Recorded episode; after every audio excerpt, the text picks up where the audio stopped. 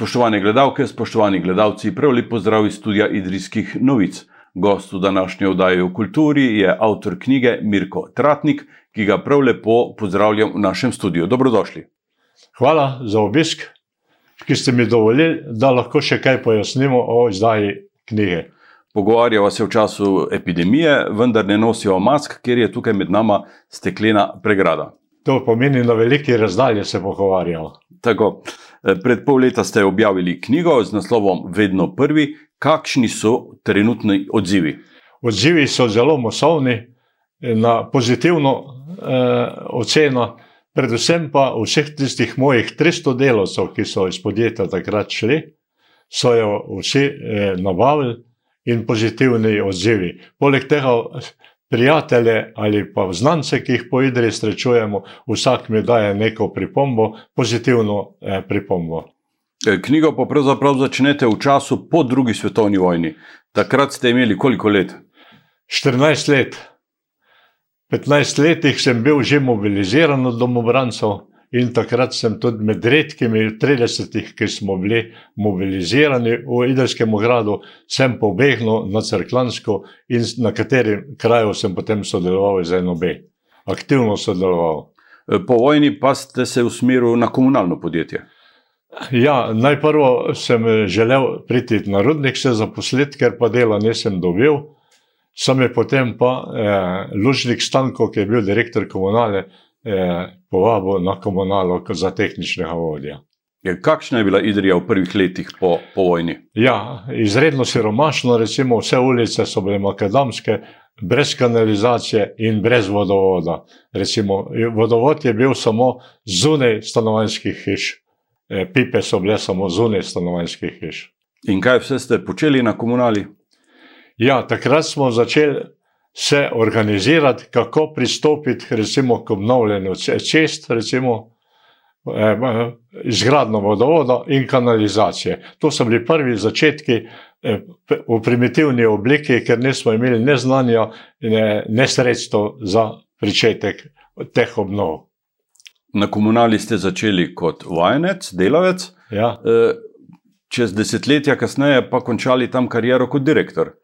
Ja, tako je. Ja. Namreč eh, komunala je bila na začetku s tremi delovci, ki jih je pred vojno še podedovala v pisarni sedajnih, eh, sedajne občinskega odbora, in kasneje smo pa se razširili, razširili in ustanovili komunalno podjetje.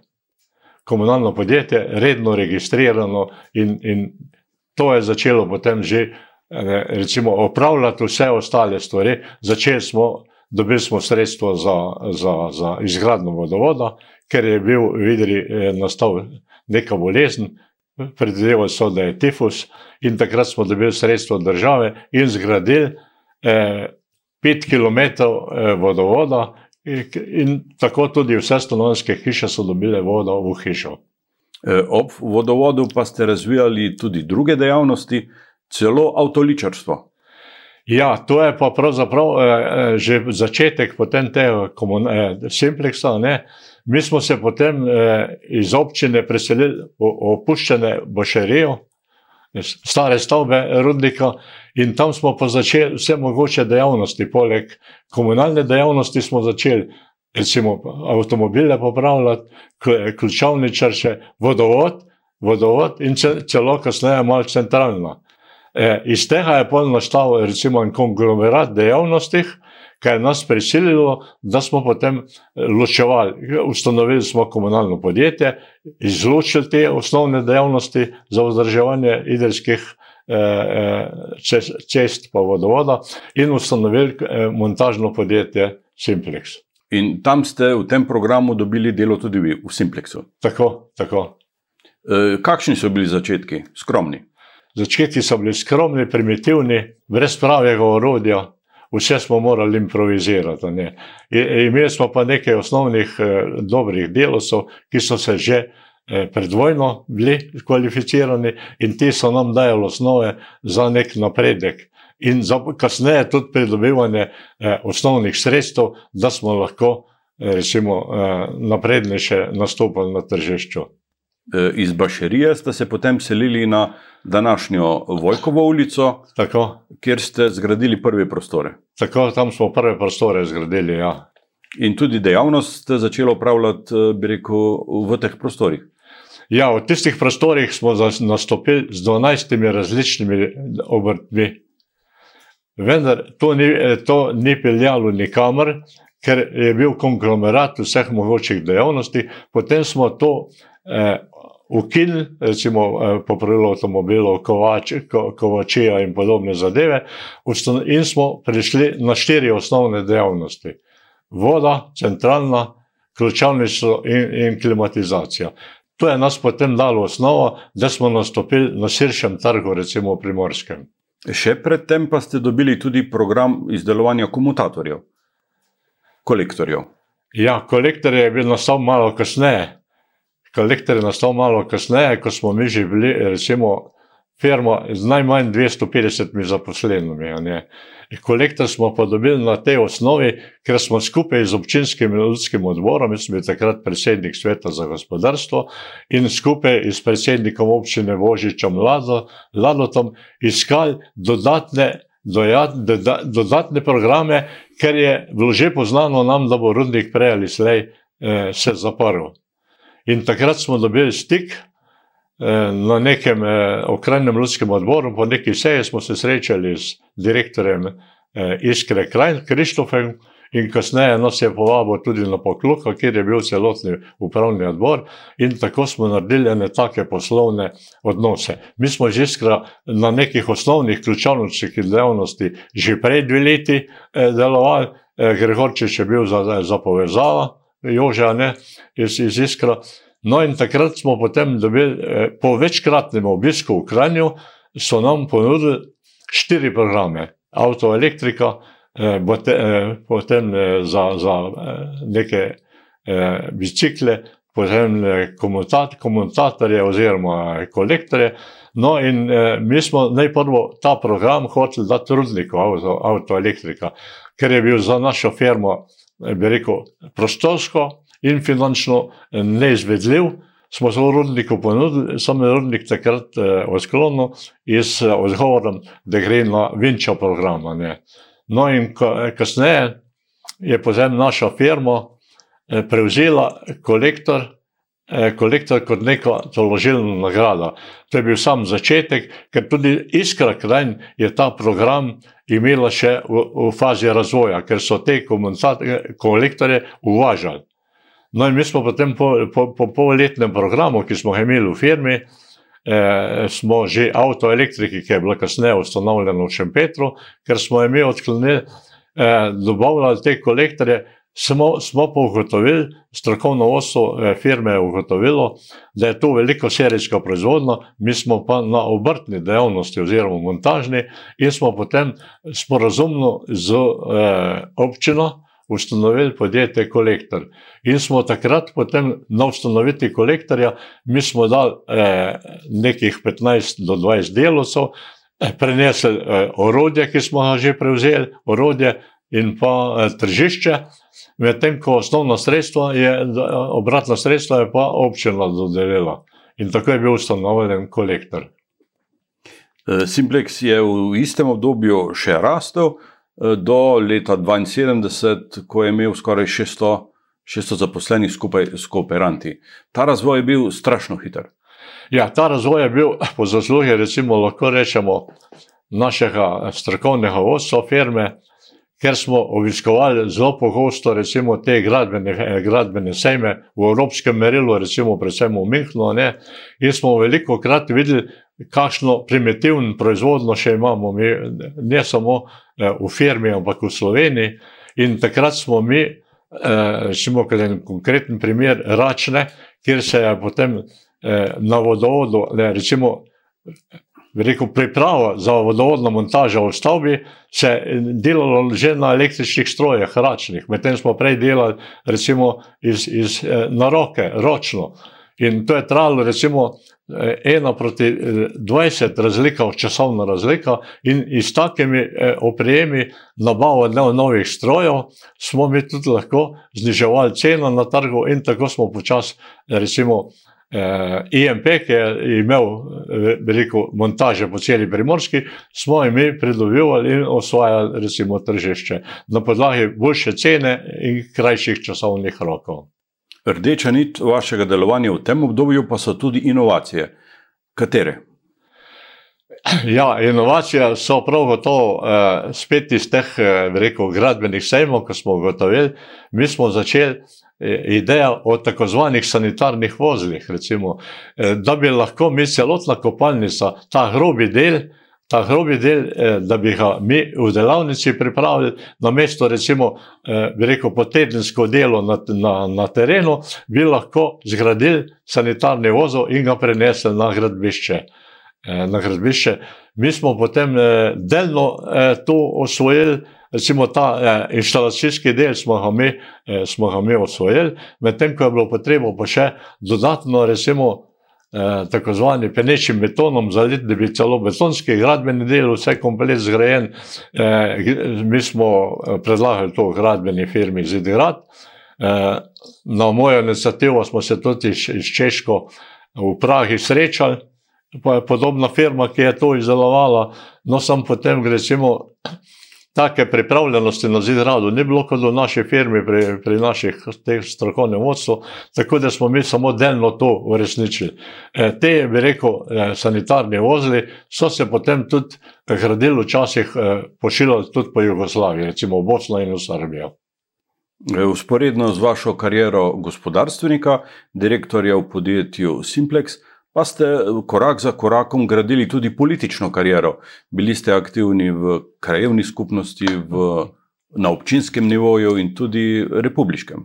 Lete, eh, sam eh, mi je danes eh, tole čudno, da sem prejemal jaz kar serijsko te, te tudi druge dodatne funkcije, poleg svoje obremenitve, recimo pri takem kolektivu, ki se je razviral ki se je razvijal, samo vendar vpliv je imel eh, Božič Lado na mene in je veliko krat zahteval, recimo prišel je k meni en primer, povem, rekel, ti boš predsednik šolskega sveta, ne, blage veze, nisem s tem imel, ampak rekel, imajo stanovanske problematiko, eh, eh, in sem dejansko tudi to prevzel in takrat po nalil dem vodstvo gimnazije čistega vina, da ne, more, ne pričakujejo, ne bojo mogli dobiti stanovanja, ker se toliko masovno ne gradijo, pač pa predlago, da najamejo kredit in da si zgradijo stanovanje. Takrat so trije profesori to dejansko zgradili. Poleg tega, recimo, prevzel sem eh, krajevno skupnosti, ker sem Idričano, eh, bi rekel, po krvi, zagrezen Idričan vedno bil, da se nekaj, eh, nekaj do, eh, bi rekel, neki prehodi v, v, modernejša, eh, v modernejšo mesto razvije, sem prevzel za to, da smo, da smo belo uredili, takrat je bila bela ne, obiskovana bolj na takih eh, primitivnih, eh, kot smo rekli, v Idri, žomfih. No, in potem smo zgradili tam eh, zajetje, eh, smo naredili eh, bazen in eh, To mi je bilo pa paralelno, recimo, sem živel v Zidri in sem užival na takih podatkih. Medtem ko po prevzem, recimo, funkcije republiškega poslanca, sem pa prevzel za to, da sem eh, dobil v poglede eh, gospodarstvo, eh, slo, eh, gospodarstvo Slovenije in eh, dejansko takrat sem videl, eh, eh bil je Stane Kavčič, predsednik izvršnega sveta, mislim, da sem od njega pridobil zelo veliko idej, in inovacij, kajti on je takrat rekel, Slovenija je eh, recimo težka industrija, je zamudila, je rekel, lahka industrija tudi, postane nam rešitev v cestnem križu. In poleg cestnega križa bi se tudi približal evropskemu gospodarstvu. In takrat je on začel tudi te inovacije, recimo kako stimulirati podjetje, delovce k večjemu, eh, eh, večjemu, eh, večji pripravljenosti za razvoj podjetja. In takrat je govoril tudi že o nekem delniškem sistemu, v neki povsem drugačni obliki, kot, kot danes obravnavamo. In jaz sem dejansko takrat v firmi eh, dosegel neke, neke nemogoče razvoje, ker sem eh, podjetju predlagal, da nam ne gre le najboljše, da bomo 10% od plače eh, vsak mesec pustili firmi in konc leta bomo vrnili z obresti, če bo podjetje pozitivno eh, eh, napredovalo, ukolikor pa ne bo napredovalo, pa mi vsa ta sredstva izgubimo. Takrat je bil tak razvoj eh, dosežen, da smo ga komaj zaustavili.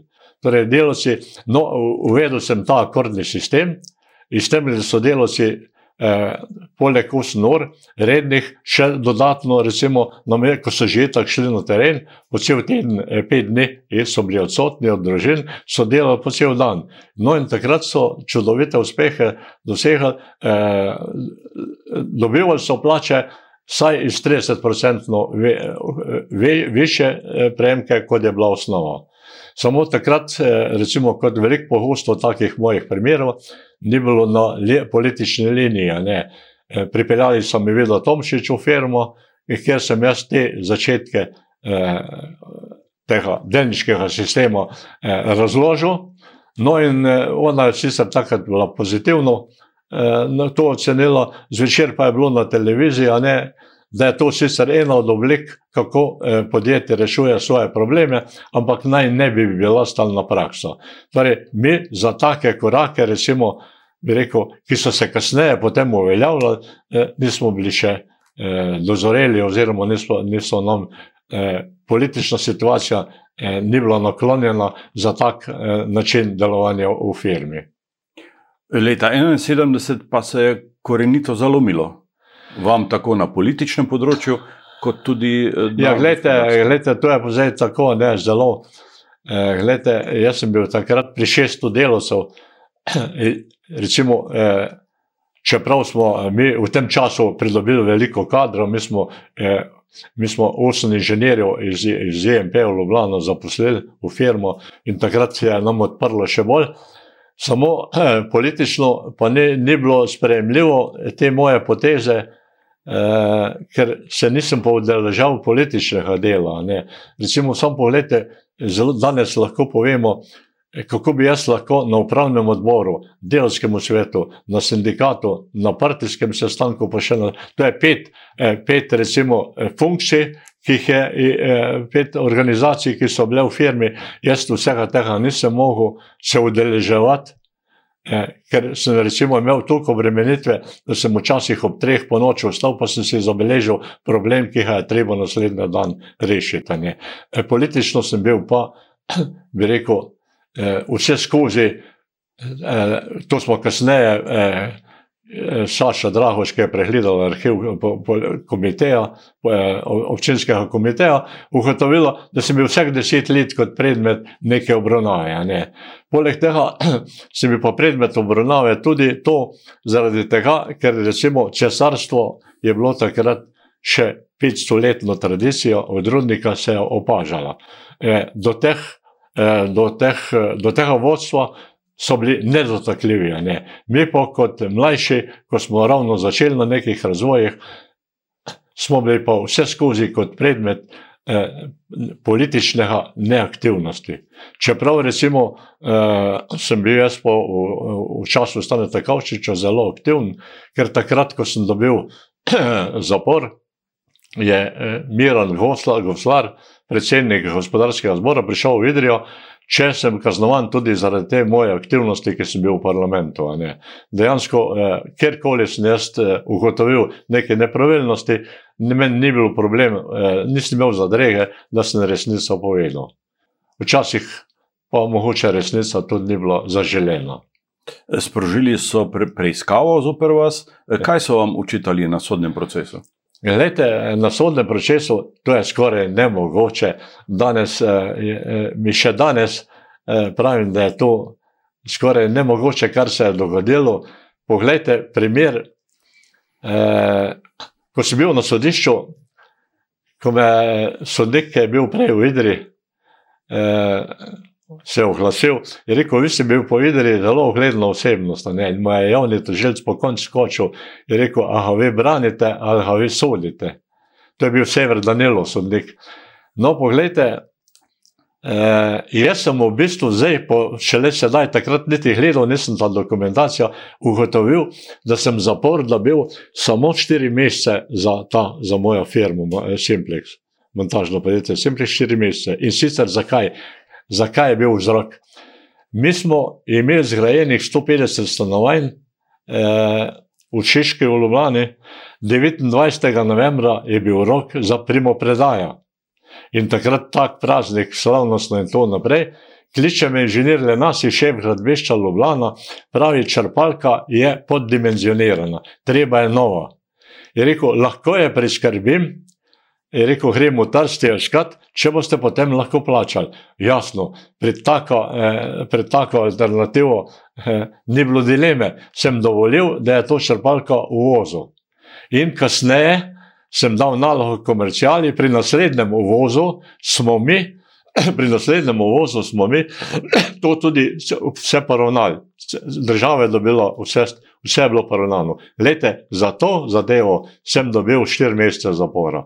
In to je tudi edina kazen, za katero sem dobil v firmi. Vse ostale zaporne naloge sem pa dobil kot predsednik revne skupnosti. Jaz sem takrat vodil krajovno skupnosti, dobil kot vedno, ne, ker mi je moj pomočnik vedno rekel, da sem bolj dožer, ker rabim pet ljudi, da me pospravlja za menoj. Sem dejansko na tega tajnika krajovne skupnosti, Kovač Marjana, forširal Bela in še kup drugih stvari. In sem bil glede tega res prevelika, kako rekel, prevelika zahteva postavil, ker je, ko smo urejali Eh, določene, eh, ker je bilo treba material v beli voziti tem našim obrtnikom, nismo imeli prevoza, sem rekel, imaš osebni avto, vozi.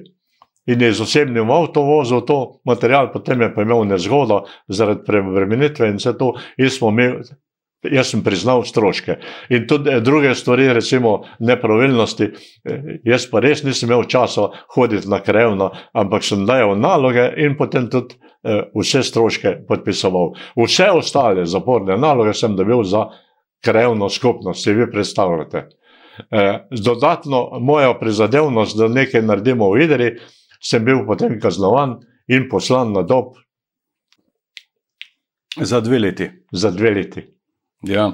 Eh, vaša soavtorica v knjigi Saša Dragoš ja. je pregledala številne arhive in iz dokumentov dokazuje, da Eh, povezavo med gospodarstvom in politiko. Takratni IMP v Ljubljani je imel močne gospodarske interese, da bi Simplex v Idri prenehal delovati v takem obsegu. Ne? Lete, zelo zanimivo vprašanje.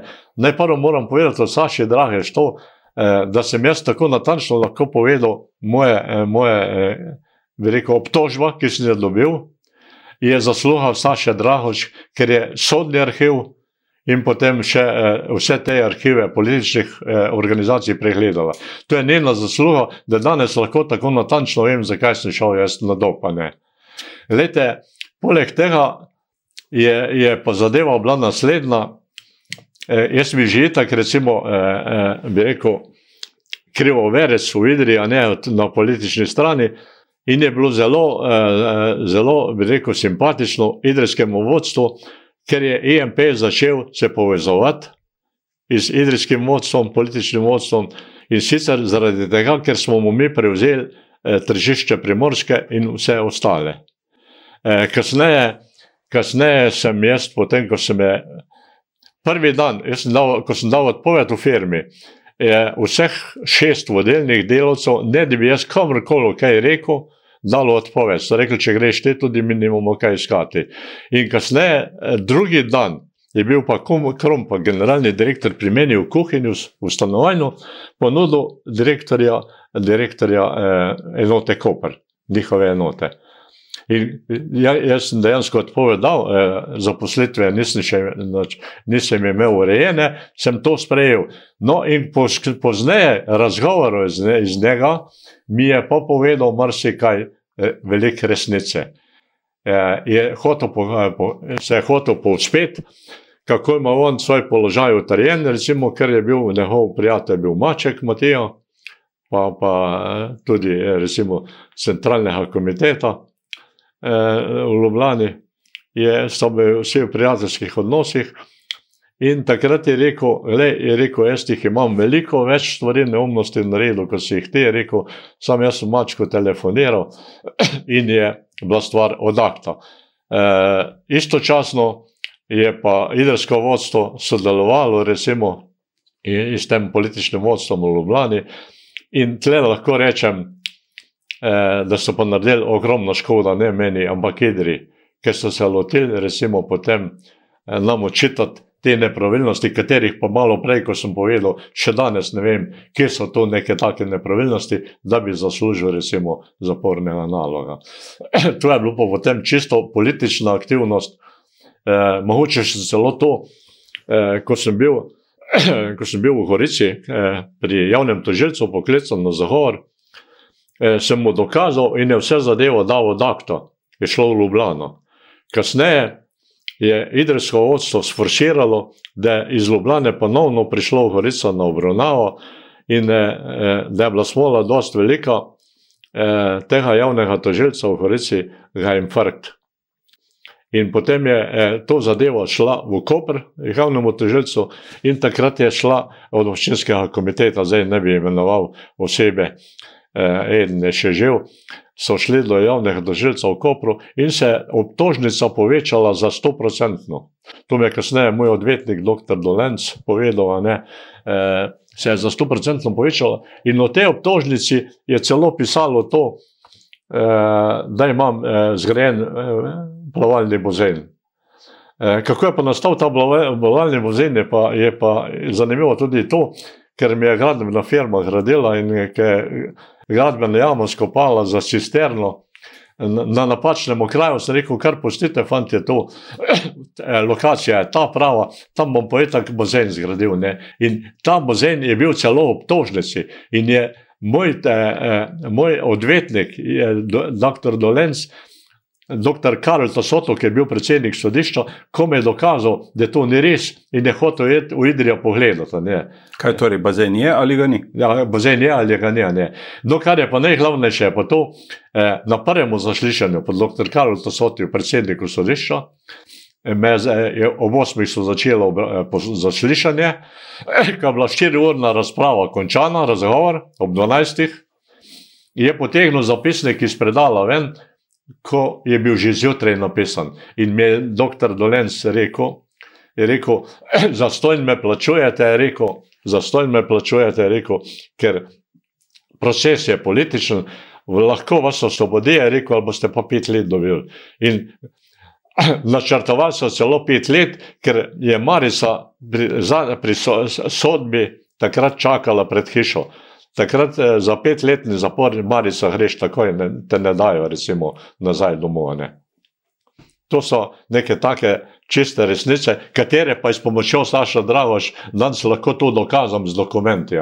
Vse arhive smo pregledali. Dve leti je ona to natančno pregledala in na podlagi njene eh, preglede in pa moje izkušnje smo to združili, da lahko zdaj z gotovostjo govorimo in povemo svetu, kakšna krivica se je v vidri zgodila, ne meni, ampak recimo tem 300 mojim delu samo. Ne. Podjetje je potem v vašem odhodu doživelo pripojitev, kolaps, eh, veliko ljudi je izgubilo službo, veliko ljudi je tudi šlo na druga delovna mesta, drugam, podjetje je bilo siromašnejše. Ja, gledajte, dobesedno podjetje je bilo uničeno. Ne. Takrat je šlo 300 eh, delovcev izven Idrije. In po, za, po eh, izjavi Saše Drahoške arhive gledala, da je takrat se Idrija za 500 ljudi zmanjšalo. Doktor Repke je knjiga prečital in rekel, se to je Idrija se zmanjšala več kot za drugo svetovno vojno. Katastrofa je bila res dost velika. Ne. Kar je pa najhuje to, da ko se je zdaj zemljski plin v Idrijo pripeljal, ko sem jaz tudi vključil vse, eh, ni enega obrtnika, ki bi znal te stvari, ki bi izvrševal te, ta dela za centralne korjave in podobno, ampak so mogli priditi iz Ljubljane. Vseh treh 300 delovcev pa ni bila izguba, bi rekel, ni bila izguba za Slovenijo, ker vsi te še danes delujejo, nekateri po primorskem, to so vsi danes privatni obrtniki in jih je na, najmanj, recimo 15 skupin iz, iz te takratnega brodoloma firme nastale nove privatne firmice. Tako da je izguba te, te ni bila, ampak za Idrija pa ogromna. Tako da Idrija še danes nima obrtnikov, recimo. Ne. Na nivoju Slovenije pa vaš primer ni bil pravzaprav osamljen. Ne? Govorimo o času obračuna s Kavčičem, ja, s Kavčičevo vlado. takrat je več kot 30 direktorjev slovenskih na, zaradi takih ali drugačnih no, gledajte, zanimivo, to je pa zelo zanimivo vprašanje, to je zgodovinsko, eh, lahko bi rekel zgodovinsko vprašanje. Takrat je prišlo do tega, gledajte, eh, torej povzemom jaz diskusije, ki sem jih imel iz eh, izvršniki, izvršnega sveta, s Kavčičami sodelovci, kjer so mi določene stvari pojasnili. Takrat je, je išlo tako zvano Titovo pismo. In gledajte, mi, eh, gospodarstvo se je razvijalo hitrejše kot na japonskem. Razvoj je bil en, eh, izredno velik. No, gledajte, in mi, tehnokrati, ko so nas imenovali, mi smo imeli, bi lahko rekel, prevelika oblast smo jo pridobivali. In eh, politiki so eh, bili v ozadju naših eh, hrbtenic. Močnih hrbtenic. No, in takrat je šlo eh, tisto v pismo, in mislim, da je bilo namen to, da politika prevzame spet, bi rekel, primarij v slovenskem merilu v gospodarstvu. E, no, in takrat e, je, kot sem že prej povedal, moj proces je bil političen in takih procesov je bilo zelo veliko. E, ker smo se na dobro, recimo najmanj 20 direktorjev, sem se srečal, ne, še od prejšnjega poznanstva, takrat smo pol tudi enotno eh, enoglasno ugotovili, da je bil to program, recimo, proti tehnokratom. Eh, da so potem, no in pogledajte, zanimivo pa naslednje vprašanje. Jaz, ki še vedno sledim gospodarstvo, razvoj Slovenije, od takrat se gospodarstvo še ni dvignilo na tisti nivo, kot je bila v tistem eh, desetletju, 60-70 gospodarstvo se še ni pobralo, še zmeraj, recimo, nas druge države prehitevajo. Mi smo takrat imeli Slovenci primari v evropskem merilu.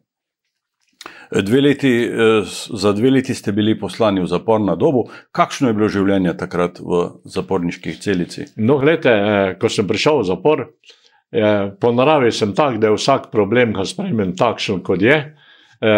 Ni me, ni me ne vem, kako vrglo iz tera, sem rekel, tudi ta problem, ki mi je dan, zdaj ga bo treba rešiti. In eh, ko sem prišel v zapor, eh, me psiholog testiral sedmi dan. Običajno so, so proučevali, recimo, vsak novega zapornika 30 dni. Jaz sem tega psihologa prosil, če mi lahko omogoči, da ne bom delovne navade zgubil. In gledajte, naslednji dan sem bil že na kmetiji. Na kmetiji, tam na odprtem oddelku, kjer so imeli eh, okrog 200 krav, recimo pa, pa drugih, eh, druge živine. No, in tam me je tisti agronom, še direktor te, te enote, poklical, rekel: Ste pripravljeni, rekel, ravno zdaj montiramo alfa-loval možne naprave. No, noben problem, jaz sem v tej stroki doma. In ko smo uspešno to zmontirali, te stroje, je rekel: Zdaj bi poprosil, če boste še uh, uvedli uh, ljudi, ki bojo mozi.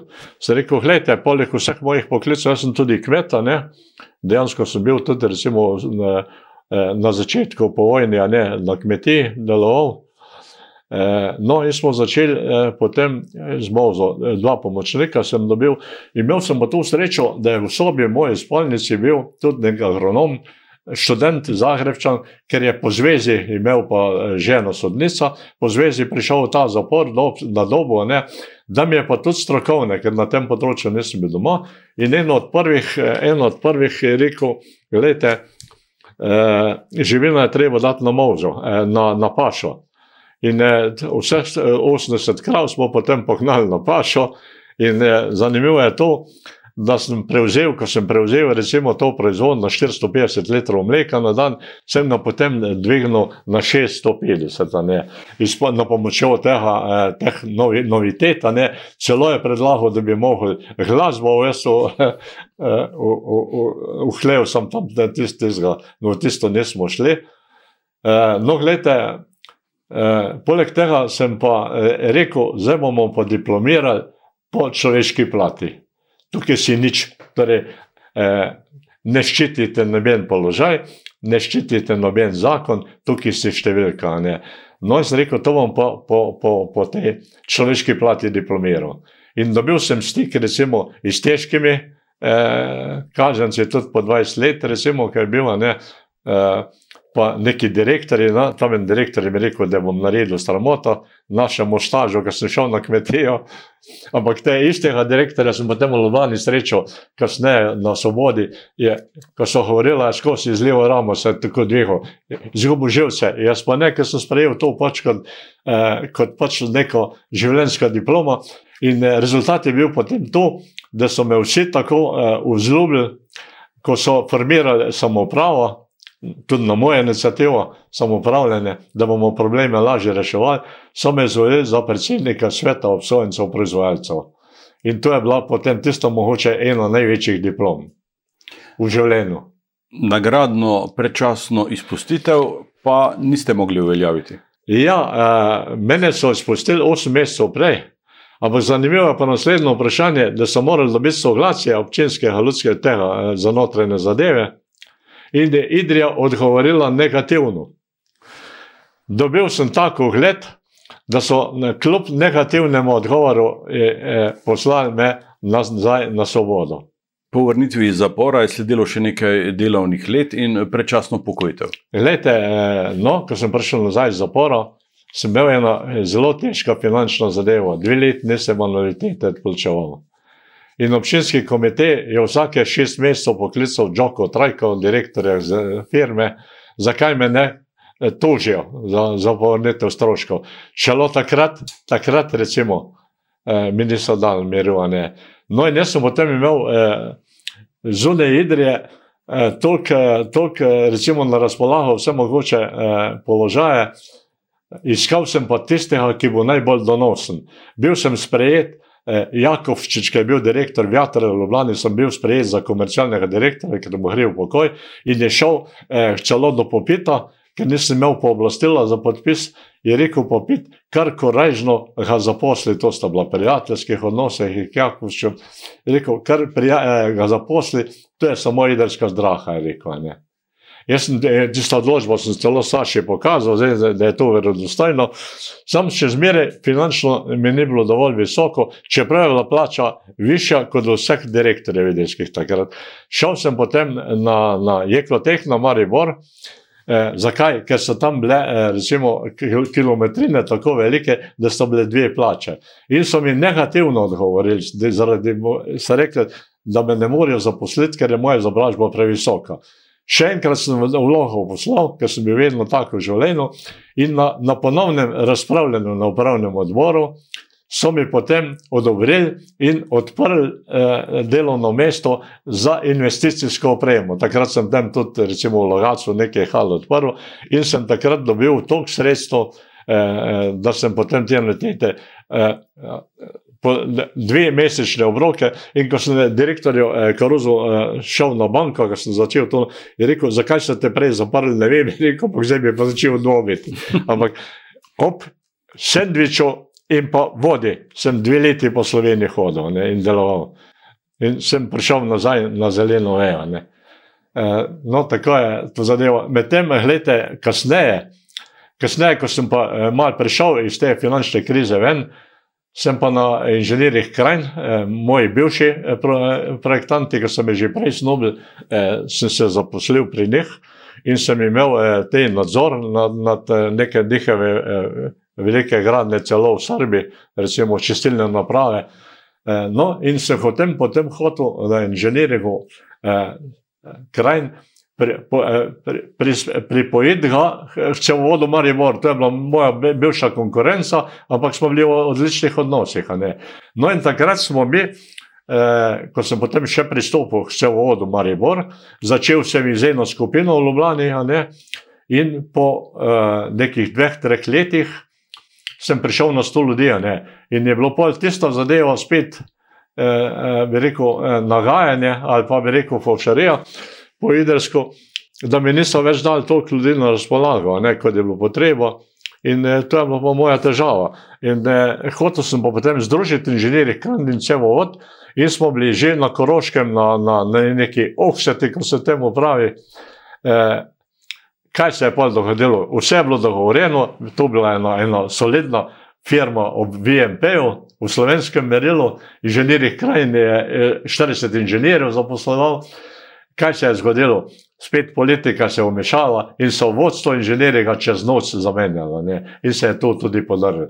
Jaz sem pa rekel, zdaj imam po vas vsega, eh, poln kufr vsega in prišel v Idrijo nazaj. Sem rekel, itak, itak sem imel, jaz tudi že pohoje za pokojite, jaz sem bil zdravstveno predvsej, recimo podrta, Uh, in bi lahko šel z eno, pa sem prišel v Idrijo in se hotel vrniti uh, gradbeni firmi solidnost odnosa do mene, ker so hoteli Džoko Trajkota tri mesece pred upokojitvijo eh, od, odstaviti, mu niso pustili, eh, ker eh, so pa eh, to zdaj morali organizirati, noben ga niso imeli, ne, zato in jaz sem potem organiziral štiri tozde, takrat tudi komunala je bila tu zraven, ne, in tost.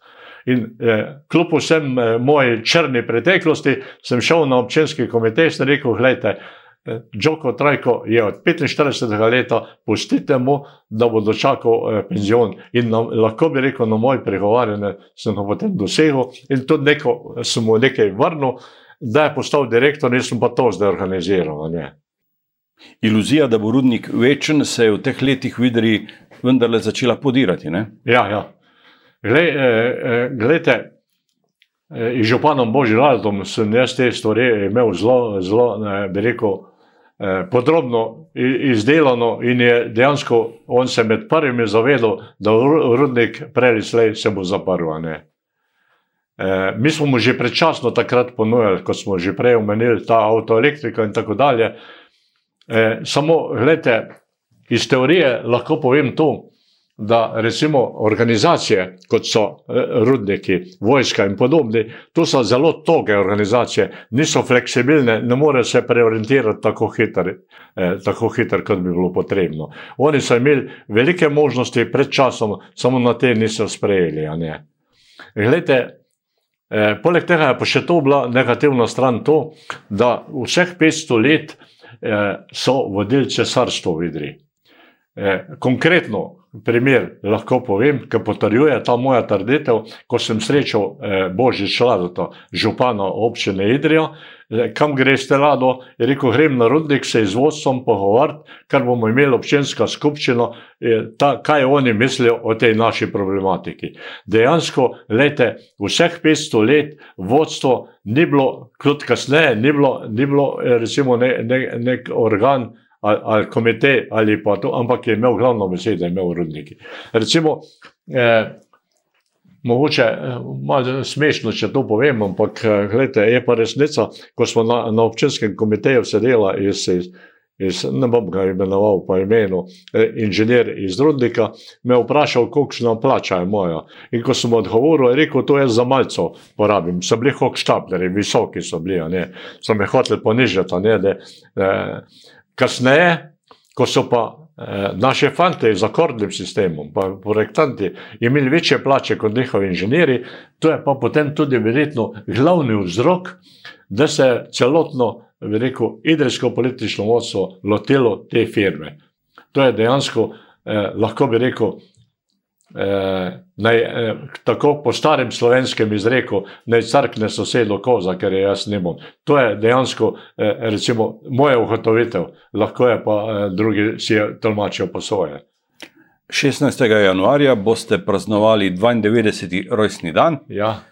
Stečilega zdravja, bistrega spomina, kot vidimo. Eh, kako danes gledate na te prelomne dogodke izpred 50 let? Lete, eh, jaz na te prelomne dogodke gledam vse to, kar smo mogoče že danes pripovedovali.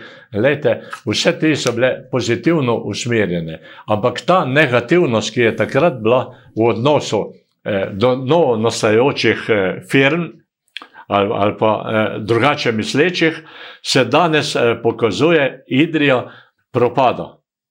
Idrija, tako kot je Saša Drahoš ugotovila po nekih drugih finančnih podatkih, Idrija je 20 let zaostala za ostalimi občinami. In bojim se, da bo Idrija še nadalje propadala.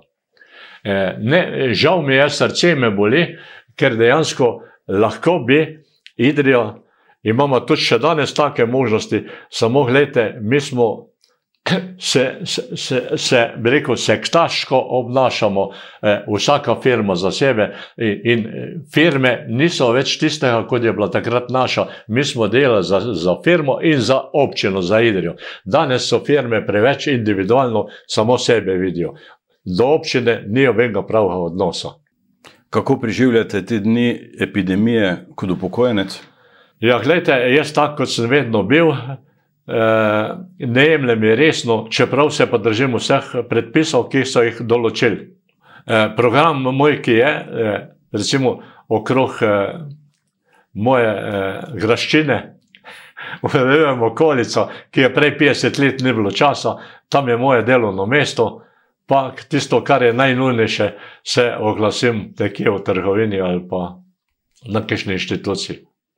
Mirko Tratnik, eh, želim vam, da bi bili še dolgo čilega zdravja in vedrega duha, da bi še naprej kritično ocenjevali dogajanje v nej, tej naši lokalni skupnosti in v državi. Eh, nove knjige najbrž ne boste napisali.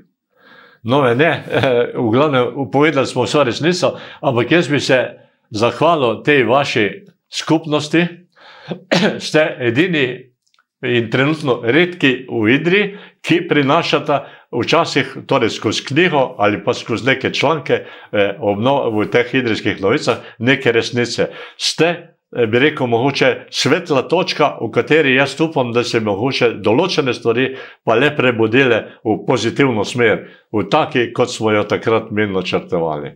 Mirko Tratnik, hvala lepa za obisk v tem našem studiu in za pogovor. Hvala tudi vam.